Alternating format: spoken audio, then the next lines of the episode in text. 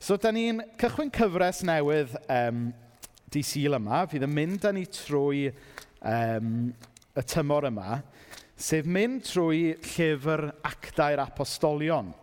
Byddwn ni ddim yn mynd trwyddo fe yn fanwl iawn, ond yn hytrach byddwn ni yn neidio trwyddo fe'n cyfarfod rhai o brif gymeriadau a prif ddigwyddiadau llyfr yr actau. A'r teitl dwi wedi roed ar y gyfraith gyfres yw Roma Termini, sef um, cyfres, e, teitl y cyfres y diwetha oedd rhwng Bethlehem a'r Groes, oedd wrth gwrs yn gan gan Celt, a mae Roma Termini yn, yn mewn can gan Sobyn a'r Smeiliau. Dys rhywun yn gwybod teitl y gan?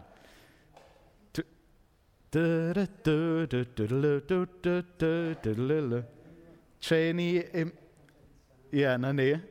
Na ni yma'r Italian fan hyn yn gwybod, just dan gwylym. Ie, yeah, so, um, so'r so, so syniad yw bod ni'n mynd i fynd ar daith gyda'n gilydd o Jerusalem i Rhifain, cyfarfod rhai o gymeriadau y daith, ond yn fwy o pwysig bod ni falle yn trio gweld be mae'r cymeriadau yna'n dysgu i ni heddiw wrth i ni hefyd um, geisio byw fel disgyblion i Iesu. So, da ni'n dechrau bore yma. Dwi wedi ffeindio Beibl a dwi wedi ffeindio'r lle. A mae'r geiriau ar y sgrin. Actau, penod 1, adnodau 1 i 10. Anwyl Theophilus. Ysgrifennais yn fy llyfr cyntaf am y pethau a'i Iesu ati i'w gwneud a'i dysgu, cyn iddo gael ei gymryd yn ôl i fyny i'r nefoedd. Cyn mynd, dywedodd wrth yr apostolion beth oedd am iddyn nhw ei wneud yn nerth yr ysbryd glân. Am bron chwe wythnos ar, ar ôl iddo gael ei groeshoelio, dangosodd ei hun iddyn nhw dro ar ôl tro, a phrofi tu hwnt i bob amheuaeth ei fod yn fyw. Roedd yn siarad â nhw am beth mae teirnasiad dew yn ei olygu. Un o'r troion hynny, pan oedd yn cael pryd o fwyd gyda nhw, dywedodd fel hyn. Peidiwch gadael Jerusalem nes byddwch wedi derbyn y rhodd mae fy nhad wedi ei addo. Dych chi'n cofio fy mod wedi siarad am hyn o'r blaen. Roedd Iowan yn bydyddio a dŵr. Ond mewn ychydig ddyddiau, cewch chi'ch bydyddio ar ysbryd glân.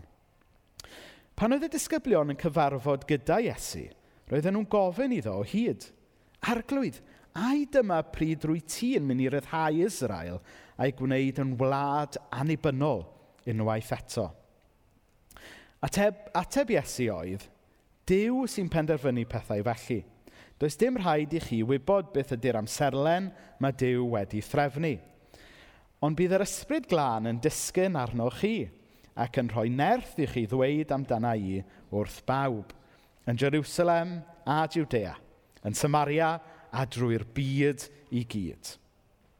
Yna, ar ôl iddo ddweud hynny, cafodd ei godi fyny'r awyr o flaen ei llygaid.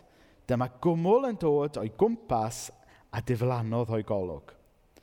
Tra oedden nhw'n sychu'r awyr yn edrych arno'n mynd, yn sydyn dyma ddau ddyn mewn dillad gwyn yn ymddangos wrth ei hymyl nhw a dweud, chi Galileaid, beth dych chi'n ei wneud yma yn sychu'r awyr?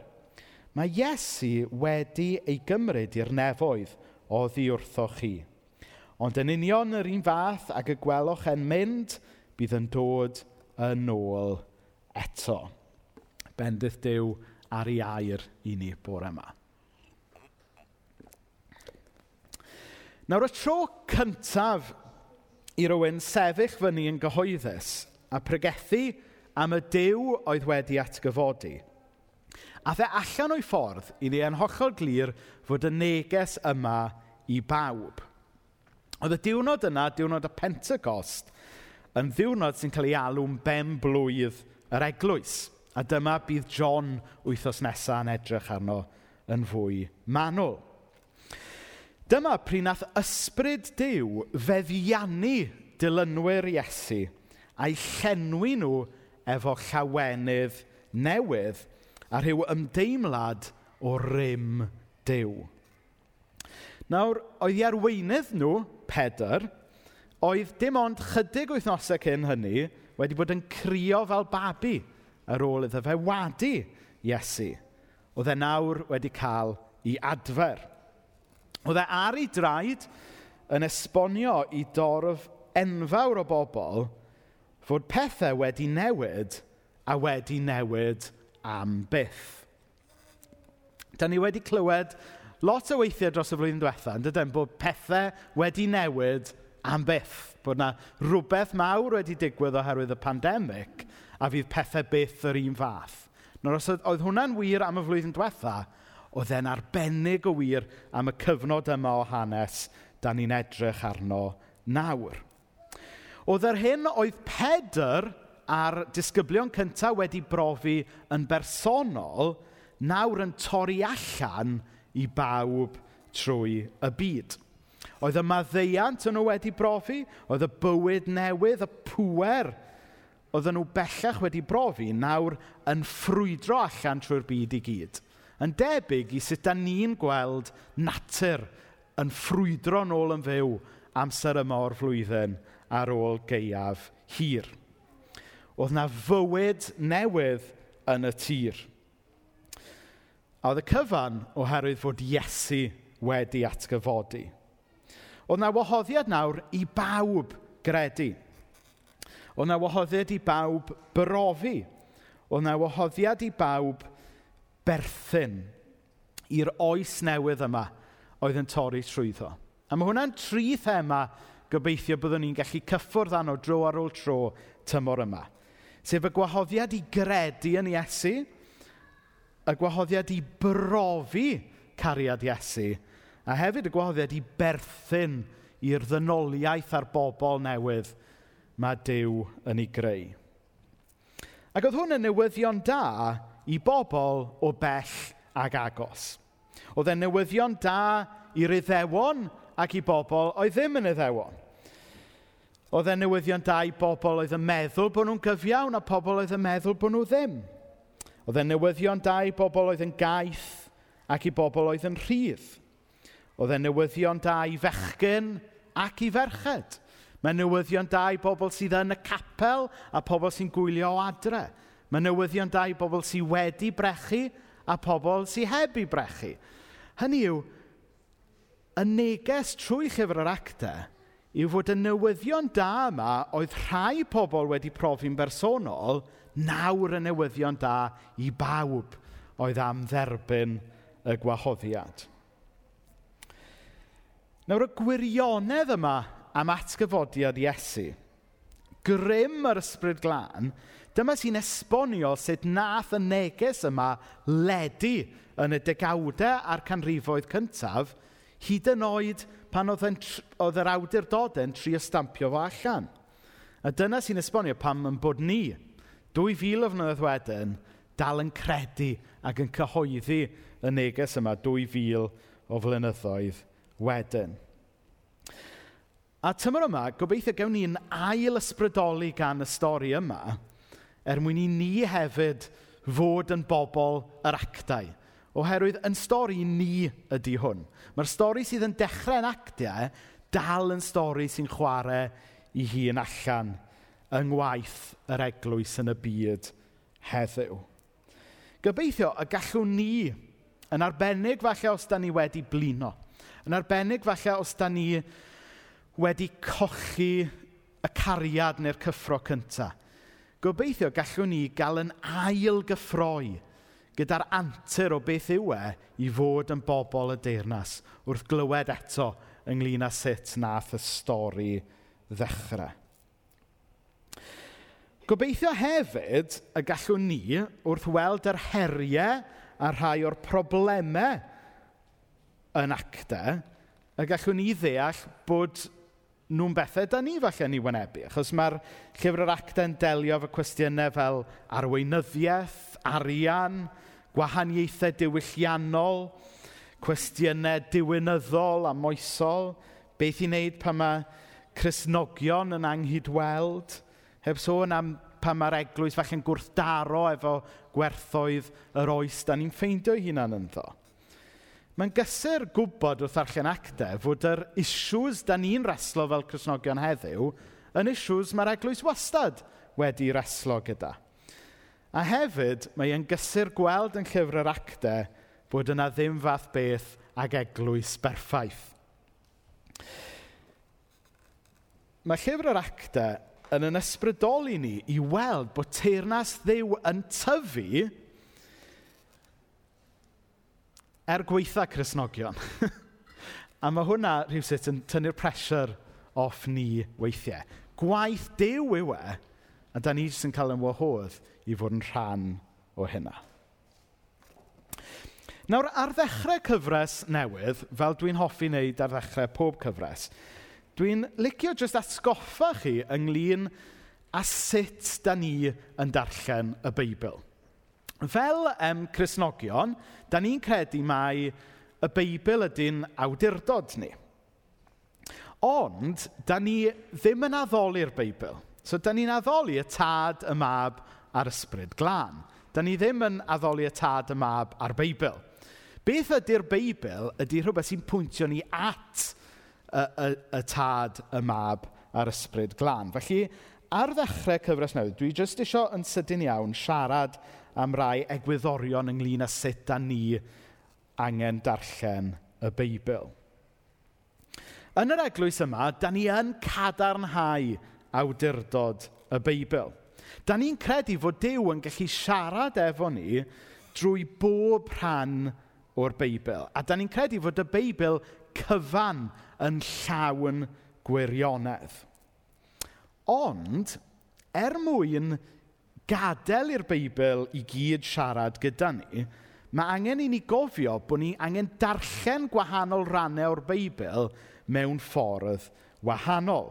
Oherwydd nid un llyfr yw'r Beibl, ond yn hytrach lot o lyfrau gwahanol wedi cael eu sgwennu mewn ffyrdd gwahanol yn perthyn i genres gwahanol. Felly, ar rywydd, dyda ni ddim yn llyffrenolwyr. Yn hytrach, da ni'n credu fod angen darllen pob llyfr yn y Beibl mewn ffordd sy'n addas i'r genre gafodd e i sgwennu. Um, fel weder rhywun unwaith, mae'n bwysig darllen y Beibl yn llenyddol ac nid yn llythrenol.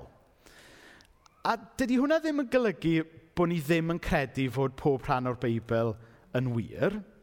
Da ni'n credu fod pob rhan o'r Beibl yn llawn gwirionedd, ond er mwyn deall y gwirionedd yna, mae angen i ni ddarllen gwahanol rannau o'r Beibl mewn ffordd wahanol. So, er enghraifft, mae gyda chi rhai llyfrau yn y Beibl sydd yn lyfrau hanes. Chi y gallwn ni cymryd ar ei cyfan ar ffeis faliw. Um, llyfrau gallwn ni ar y cyfan ddarllen fel gwirionedd llythrenol. Ond wedyn mae'r rhannau eraill o'r Beibl yn lyfrau proffwydol neu llyfrau barddonol. Mae'r llyfrau yna dal yn llawn gwirionedd ond mae'n cyfleu y gwirionedd mewn ffordd gwahanol. Dwi e ddim yn cyfleu gwirionedd mewn ffordd llythrenol. Um, er enghraifft, um, mae rhai o, o, um, mae rhai o llyfrau fwy barddonol y Beibl a hyd yn oed damhegion ac ymadroddion yn y llyfrau hanesyddol y Beibl yn siarad am ddiw fel oen a llew. Nawr, dydy Dyw ddim yn llythrenol yn oen a llew, ond yn hytrach mae hwnna yn ddyfais chenyddol sy'n helpu ni ddeall y gwirionedd ynglyn â cymeriad a pwrpasau Dyw. Na, mae hwnna'n enghraifft obvious, gobeithio, um, gan hynny, does gennym ni ddim llun mawr o lew yn ffrent y capel. Um, ond mae'n mae helpu ni ddeall yn dydy. Tybod, mae'r Beibl i gyd yn dysgu gwirionedd, ond mae'n defnyddio um, genres gwahanol i gyfleu y gwirionedd yna. Yn yr un ffordd a byddai rhywun ddim yn darllen nofel a llyfr hanesyddol yn yr un ffordd, mae rhywun angen dysgu darllen gwahanol rannau o'r Beibl mewn ffordd wahanol. Ddim bod nofel a llyfr hanesyddol yn bod un yn werthfawr a bod un yn ddiwerth, Maen nhw jyst yn genres gwahanol, yn dydyn, sy'n cyfleu rhywbeth mewn ffordd gwahanol. Nawr, dros yr wythnos diwetha ar ôl i um, dig Caeredin uh, farw, mae yna lot o sgwrs wedi bod eto ynglyn â pa mor gywir oedd The Crown ar Netflix. Tyfod, was it fact or fiction? Ac oherwydd bod lot o bobl um, ddim yn deall bod rhan fwyaf o actually just yn fiction. To, mae yn loosely based ar hanes, ond mae fel y sgyrsiau preifat y stwff sy'n cael ei darlunio yn y ddrama wedi hocho cael ei wneud lan gan yr awdur. Um, a, a mae'n bwysig bod ni ddim yn syrthio'r un trap lle mae'n dod i'r Beibl. Mae'r Beibl i gyd yn wirionedd i ni. Ond er mwyn cael at y gwirionedd yna, Mae angen i ni ddarllen gwahanol rannau o'r Beibl mewn ffordd wahanol. Ac yn benodol nawr ynglyn â llyfr yr acta, ar y spectrwm o rannau o'r Beibl sydd yn farddonol ac yn broffwydol i rannau o'r Beibl sydd yn hanesyddol ac yn ffeithiol, mae llyfr yr acta tuag at y, y spectrwm hanesyddol a ffeithiol. A mae'n dechrau fel hyn. Anwyl Theophilus, ysgrifennais yn fy llyfr cyntaf am y pethau aeth Iesu ati i'w gwneud a'i dysgu, cyn iddo gael ei gymryd yn ôl i fyny i'r nefoedd. Cyn mynd, dywedodd wrth yr apostolion beth oedd am iddyn nhw ei wneud yn erth yr ysbryd glân. Felly mae llyfr yr acta, da ni'n canolbwyntio arno tymor yma, wedi sgwennu gan wr, um, wedi sgwennu, sori, at wr o'r enw Theophilus. Da ni ddim yn gwybod llawer am Theophilus, ond da ni'n gallu cymryd bod e yn, yn ddyn pwysig, yn ddyn um, dysgedig, dyn o roed e fel hyn, fydde'n fwy tebygol o ddarllen y Guardian na'r Daily Mail. No offence, os da chi'n darllen y Daily Mail. Um, hynny yw, dyn... Um, dyn falle oedd yn pwyso a mesur pethau. Dyn oedd ar ôl y ffeithiau. Dyn oedd eisiau gwybod yn iawn beth oedd yn mynd mlaen, ac oedd e a dim amynedd jyst i glywed spin. Felly, oherwydd bod hwn yn lyfr oedd wedi cael ei sgwennu'r math yma o berson, gallwn ni gymryd bod e'n lyfr ar y cyfan sydd yn cyflwyno y ffeithiau a'r dystiolaeth yn glir ynglyn a be na ddigwydd. A da ni hefyd yn gwybod mae pwy na sgwennu fe oedd Lyc, sef yr un person a sgwennu Efengil Lyc. So mewn ffordd, hwn oedd part 2 um, o'r hanes. So mae gyda ni um, y llyfr cyntaf yn rhoi account o fywyd Iesu, a mae gyda ni'r ail lyfr nawr actau sydd yn rhoi account o be na ddigwydd i bobl Iesu wedyn wrth iddyn nhw fynd allan i'r byd. A mae gwybod pwy oedd yr awdur a'r gynulleidfa yn bwysig yn dydi wrth bod ni'n pwyso a mesur unrhyw beth. Um, yn cofio pan o'n i um, yn y brifysgol ac pan o'n i'n pwyso a mesur ffynonellau um, fel rhan o'r treithawd ymchwil, oedd y tiwtor wastad yn dweithio fi, cyn pwyso a mesur unrhyw lyfr, mae rhaid ti ffeindio allan pwy oedd yr awdur, tybo? Hynny yw, er mwyn deall approach unrhyw lyfr, mae rhaid ti ddeall beth ydy persbectif yr awdur. Felly mae'n bwysig ar y dechrau len bod ni'n deall mae lyc oedd gyda llaw yn rhyw fath o feddyg yn ddyn oedd yn pwyso a mesur tystiolaeth, oedd dyn oedd â meddwl, meddwl gwyddonol yn fwy na meddwl barddonol, a bod e wedi sgwennu fe at Theophilus. Mae'r ddau beth yna yn bwysig wrth i ni bwyso a mesur y gwirionedd sy'n cael ei rannu gyda ni yn y llyfr yma. Nid llyfr o farddoniaeth blodeuog yw llyfr yr actau, ond yn hytrach llyfr hanesyddol, llyfr diwynyddol sy'n dysgu ni ynglyn â be nath ddigwydd a beth yw arwyddocad yr hyn nath ddigwydd. Wedi dweud hynny, mae'n bwysig bod ni yn cadw mewn cof hefyd, mae rhywun yn sgwennu efo agenda oedd lyc. A, a dwi ddim yn dweud hwn yn yr ystyr negyddol bod ganddo fe agenda. Dwi'n golygu fe yn yr ystyr positif.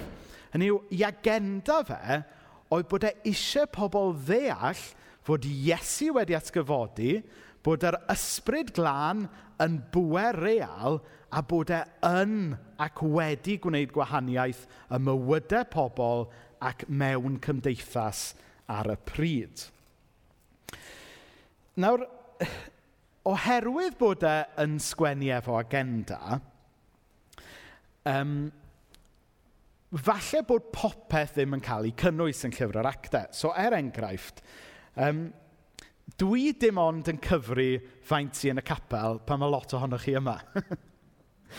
a nes i glywed ddarllen wythnos yma, hynny yw, pan mae, pan mae leak yn adrodd am am gannoedd, miloedd o pobl yn ymateb i neges Iesu Grist, mae'n bwysig bod ni'n cofio bod na ddyddiau tawelach hefyd yn digwydd ym mywydau'r Cresnogion yna. Um, pan dwi yn mynd ffwrdd i gynadleddau gweinidogion, mae rai fi gyfaddau bod fi dymo, ar y cyfan dim ond yn sôn am yr highlights y mywyd Cersalem, a dwi ddim yn rhannu am y trafferthion sydd yn codi weithiau.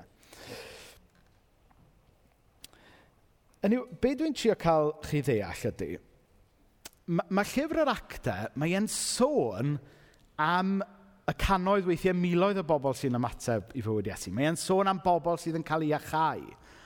Ond hefyd, mae yna ddwrnodau wythnosau, weithiau misoedd, sydd yn unaccounted for. Ond be dwi eisiau ni trio deall ydy, dyw hwnna ddim yn rhywbeth negyddol. Oherwydd, fe allwn ni gymryd yn yr adegau na le oedd dim byd i adrodd fel petai, actually, beth oedd yn digwydd oedd bod y Cresnogion just yn get on with it.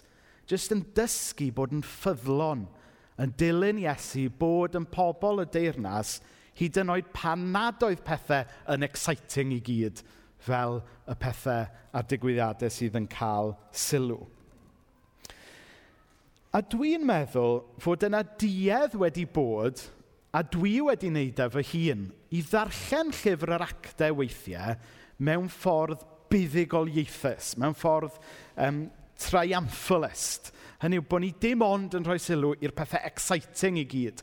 A wedyn, bod ni'n meddwl, o oh, gosh, dyma sut mae bywyd y Cristion neu bywyd yr eglwys fod trwy'r amser. Os da ni ddim yn gweld miloedd yn dod i gredu um, bob dydd fel y miloedd ath i gredu'n Pentecost, neu os da ni ddim yn gweld pobl yn cael ei iachau bob dydd fel, fel mae pobl yn cael ei iachau bob dydd yn llyfr actau, bod ni'n neud rhywbeth yn wrong rhywset. Wel, da ni yn credu bod Dyw yn gallu gwneud y pethau exciting. Ydan, dwi'n dwi, dwi, dwi dwi'm yn chwarae lawr hynna, ond dwi hefyd eisiau ni ddeall bod angen i ni ffeindio ffydd ar gyfer y bob dydd hefyd. Hynny bod ni angen gwreiddio'n ffydd, nid just yn y profiadau pen y mynydd, ond bod ni angen ffeindio rhythm bywyd fel Cresnogion ar gyfer pan mae bywyd just yn normal. Achos dwi'n meddwl, actually, mae dyna yw y ffydd sydd wir yn gweiddio. Achos mae'n hawdd yn dydy cael ffydd yn new pan da ni'n gweld pethau amlwg, exciting yn digwydd yn cwmpas ni.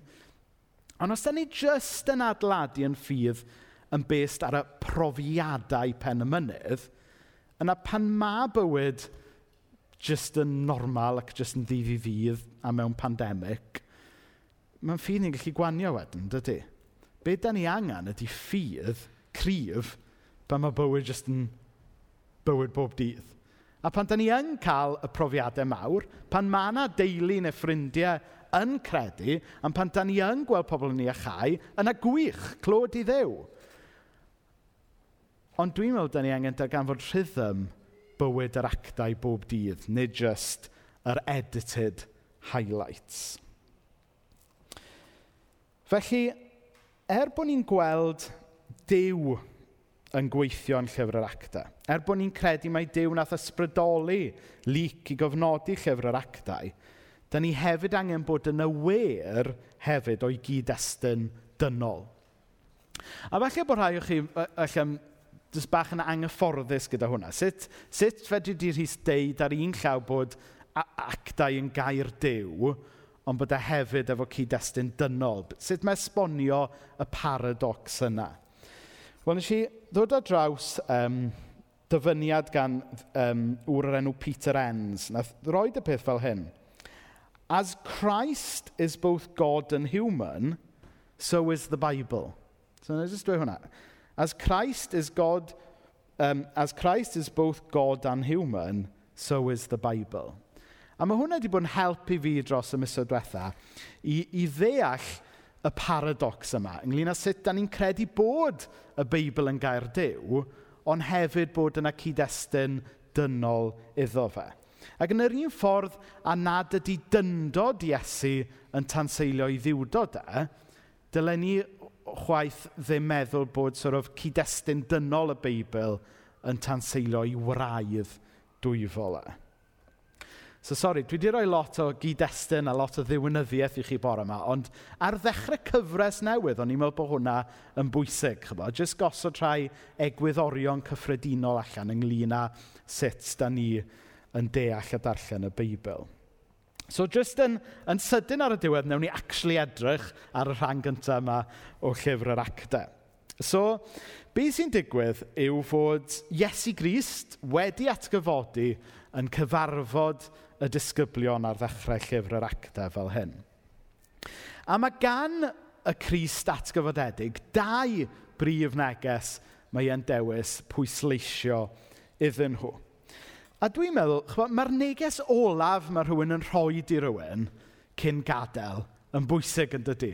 I ddeud y gwir, o'n i'n meddwl byddwn ni'n sôn am di caredyn yn y bregaeth, ond mae lot o sôn di bod ar y newyddion wythnos yma ynglyn â tybod, beth oedd y peth olaf ddwedodd di Caredin wrth Charles? Neu beth oedd i neges olaf e i'w wyrion ac yn y blaen? Hynny yw, mae yna bwyslais mawr yn cael ei roi'n does ar neges olaf pobl um, i rywun. Neu, chybod, neu jyst cyn i chi fynd ffwrdd ar rhyw daith. Beth ydy'r neges olaf mae rhywun yn gadael i chi cyn mynd i ffwrdd? Mae yna rhyw, mae yna rhyw um, bwysau arbennig ar eiriau olaf rhywun yn does. Felly, mae myfyrio beth oedd neges olaf Iesu cyn y ddywesgyn i'r nefoedd yn bwysig. A'r neges gyntaf oedd bod e'n pwysleisio teirnas ddiw wrth y disgyblion. Oedd e'n siarad gyda nhw am deirnas ddiw. Nawr mae'r concept o teirnas ddiw yn, yn anodd i ni gael yn pen o cwmpas. Yn gyffredinol, mae rhai pobl yn meddwl mai jyst siarad am rhywbeth ysbrydol oedd Iesu, a mae ystyr y teirnas ddew, basically ydy'r nefoedd. Ystyr mynd i deirnas ddew ydy credu er mwyn mynd i'r nefoedd ar ôl i chi farw. Jyst rhyw ddealltwriaeth ysbrydol pur. Ar y llaw arall, mae rhai pobl yn meddwl mae ystyr teirnas ddew ydy adeiladu teirnas ddew yma ar y ddeiar A wedyn mae rhai pobl yn meddwl yy mae'r unig beth ydy hwnna ydy troi gwerthoedd Iesu mewn i raglen wleidyddol. A, a dyna gyda llaw oedd um, dechreuadau um, y mudiad ar blaid lafur ac yn y blaen. Rhyw syniad o adeiladu teirnas ddew yma ar y ddeiar. Ond y gwir amdani yw fod, fod y ddau begwn yna yn methu'r pwynt. Dydy teirnas ddew ddim jyst yn rhywbeth ysbrydol pur, ond dyw e ddim chwaith ynglyn â jyst rhywbeth um, ymarferol ar y ddeiar. Ond yn hytrach, mae tenas ddew yn cwmpasu y ddau beth. Mae e ynglyn a rhywbeth ysbrydol ydy o ran bod ni'n credu uh, yn Iesu Grist, a mae dyna yw yn ffordd i mewn i'r deyrnas, ond da ni hefyd yn credu fod y deyrnas yn torri trwyddo yma yn y byd. A da ni'n credu hynna oherwydd mae Iesu trwy i atgyfodiad nath wneud y toriad cyntaf yna trwyddo. Mae e wedi dod yn boblogaidd yn dydy i, i hochdi uh, yr ysbrydol a'r corfforol. Um, Hynny yw, i ni feddwl bod, hynny yw, bod yn bywyd ysbrydol ni'n rhywbeth da ni'n cadw yn y bocs yma, da ni'n tynnu allan falle ar ddydd syl, neu pan da ni'n ystod mewn cilch ar ben mynydd neu rhywbeth, a, ond bod yn bywyd um, uh, tybo, ymarferol mewn bocs ar wahân. Ond yn Iesu, da ni'n gweld y byd ysbrydol a'r byd corfforol yn dod at ei gilydd. Da ni'n gweld nefoedd a deiar yn cyffwrdd i gilydd. A da ni'n gweld hwnna'n fwyaf clir yn Iesu Grist i hun. Ond dyna fyddwn ni'n ei weld trwy llyfr yr actau. Trwy llyfr yr actau, byddwn ni'n gweld beth sy'n digwydd pan mae'r nefoedd a'r ddeiar yn cyffwrdd i gilydd. Ac y lle lle mae'r nefoedd a'r ddeiar yn cyffwrdd i gilydd heddiw, yw yn a trwom ni, pobl y deyrnas. Na mae hwnna yn fraint arbennig ond mae e'n gyfrifoldeb arbennig hefyd. Oedd um, yr disgyblion cyntaf yn gofyn i Iesu, um, ai dyma pryd y bydd Israel yn ennill i hannibyniaeth? So oedd rhyw ddealltwriaeth e, e, anamlwg eitha gwleidyddol gyda nhw, yn doedd, ynglyn â be fydda'n golygu pan fyddai teirnas ddew yn torri trwyddo. Fydden nhw'n meddwl mae rhyw fath o ywain glyndŵr oedd yr Iesu Grist at gyfodedig. Falle oedd rhai yn meddwl mai jyst rhyw fath o hippi ysbrydol oedd Iesu. Hynny oedd gyda chi rhyw gymysgfa o bobl. Ond y gwir amdani yw bod e'n bach o mix o'r ddau. fod Iesu yn arweinydd a gwirionedd ysbrydol, ond bod na implications ymarferol a hyd yn oed gwleidyddol hefyd. Mae tenas ddiw ynglyn â tenas sydd eto i ddod yn llawn, ond sydd wedi dechrau torri trwyddo. So meddwl am y peth fel hyn. Eithon ni, pan eithon ni lawr i'r de wythnos diwetha, mae Cadog yn anffodus wedi cyrraedd yr oedran yna, le ni'n clywed y ffreis yn y car, ydyn ni bron yna. wedi bod yn dda iawn tan, tan y ddiweddar, ond nawr ydyn ni bron yna. Nawr, oedden ni'n mynd yr holl ffordd lawr i Llanfarog, sy'n peder awr i ffwrdd. A ddechreuodd ofyn ydyn ni bron yna pan o'n i'n pasio pen y groes. so ni'n meddwl, oh gosh, mae hwn wedi fod yn daith hir. Ydyn ni bron yna? A o'n i'n gallu dweithio fe, na, da ni ddim bron yna, ond da ni ar y ffordd. a dwi'n meddwl bod hwnna'n illustration da ynglyn â be mae'n golygu, ynglyn â bod tenas ddew yn torri trwyddo, ond da ni ddim cweith yna chwaith, dyfod. Da ni dal yn byw mewn byd syrthiedig, da ni dal yn byw mewn byd o boenau, ond oherwydd bod tenas ddew yn torri trwyddo, oherwydd bod Iesu wedi ysgyfodi, da ni ar y ffordd. Mae Dyw wedi dechrau adeiladu i deyrnas yn yn calonau ni, trwy eglwys, a hyd yn oed mewn cymdeithas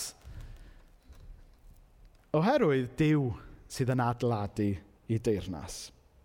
A dros yr wythnosau nesaf, dros y misoedd nesaf, byddwn ni'n gweld be mae'n golygu i weld y deyrnas yn torri trwyddo yn y byd leini nawr.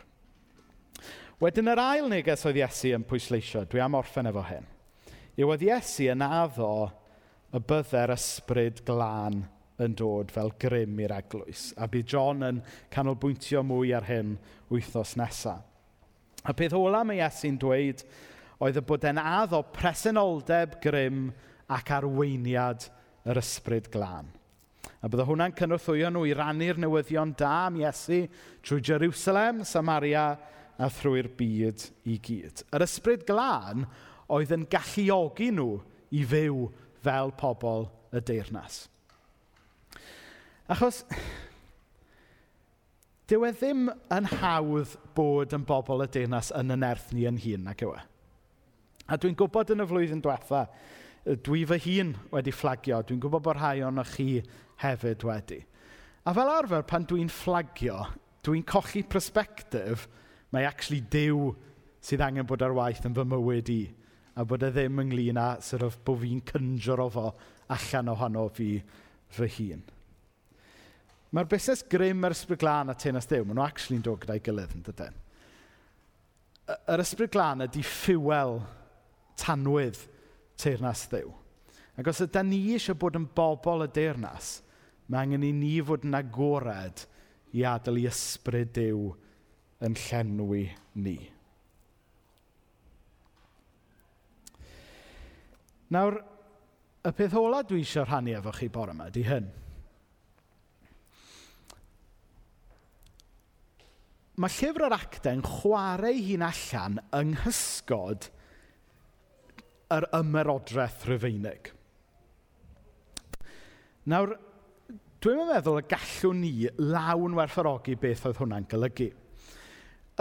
Mae'n debyg mae'r pethau gosa i sort of cult-like grym yr ymerodraeth rhyfeinig sydd gyda ni yn y byd heddiw, wedi gogledd Corea. Um, oedd e'n sort of grym milwrol, oedd e'n, oedd e'n llyncu diwylliannau ac yn gorfodi pobl i addoli Cesar yn hytrach nag addoli i diwiau nhw. Oedd e'n beiriant rhyfel mawr, oedd e'n beiriant cyfalafol mawr. Oedd e'n rhyw fath o just popeth ydych chi'n gallu dychmygu sy'n ddrwg i gyd wedi berwi at ei gilydd yn yr amyrodraeth Rufeinig, ond beth oedd yn weith amdano fe oedd bod nhw'n trio dweud mai dyma yw y ffordd o gael bywyd da, drwy fod yn ffyddlon i'r ymyrodraeth Rufeinig. Felly mae llyfr yr actau'n chwarae hi'n allan yng nghysgod yr ymyrodraeth Rufeinig. Nawr mae yna bob math o ymerodraethau um, yn yn gorthrymu ni heddiw. Nawr, dwi ddim jyst yn siarad am bethau gwleidyddol, falle bod yna um, bethau gwleidyddol yn neud. Allwn, allwn ni feddwl am y pandemig fel ymerodraeth sydd wedi bod yn gysgod mawr drosto ni. Ac felly, tymor yma falle y neges i ni yw sut mae bod yn bobl y denas yng nghysgod yr ymerodraeth yna. Cyfalafiaeth.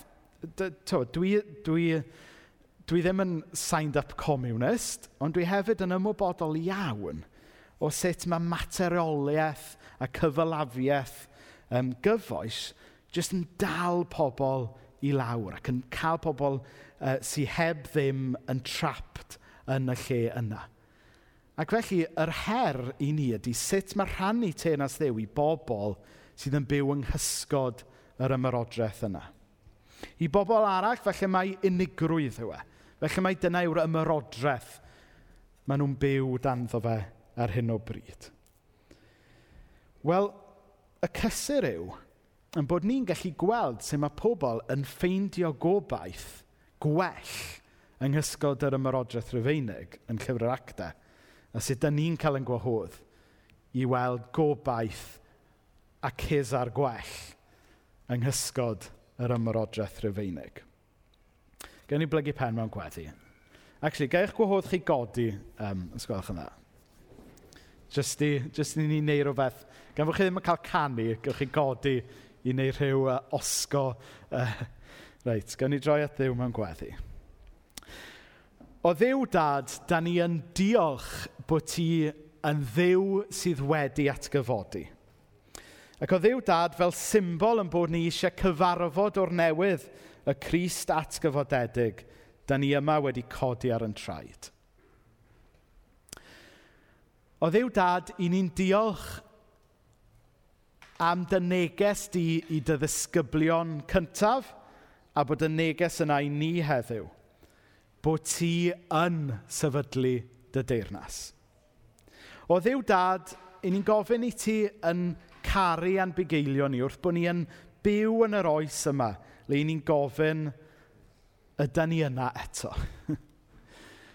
Ac oedd Dduw dad yr ateb yw, na, da ni ddim yna eto, ond da ni ar y ffordd. O Dduw dad wrth bod ni ar y daith fel petai, yn ddisgyblion i ti, eisiau profi dy deunas di'n torri trwyddo yn yn bywydau ni fel unigolion, yn yn eglwys a mewn cymdeithas – Gad i ni gofio ddiw dad, mae nid yn gwaith a nerth ni sy'n ei hynna'n bosib, ond gwaith a nerth dy ysbryd i. Felly ar ddechrau'r gyfres newydd yma o ddiw dad, i ni'n gwahodd yr ysbryd glân mewn o'r newydd i'n bywydau ni. Ni'n gofyn i'r ysbryd ddelio a chwythu ffwrdd unrhyw ofn, unrhyw gaethiwed i ymyrodraethau'r byd yma, ac i ti helpu ni weld o'r newydd yn bod ni drwy gariad ac aberth Iesu yn cael bod yn blant i dy deyrnas di. O ddiw dad, ni'n gofyn i ti weld yn bod ni ar yn traed bore yma a bod ni yn disgwyl mlaen i weld bydd, bydd gen ti i ddysgu anherio ni efo tymor yma wrth i ni edrych eto ar sut nath dy eglwys di gychwyn a sut da ni'n cael yn galw i barhau a'r chwildro tawel yma. Yn enw Iesu. Amen.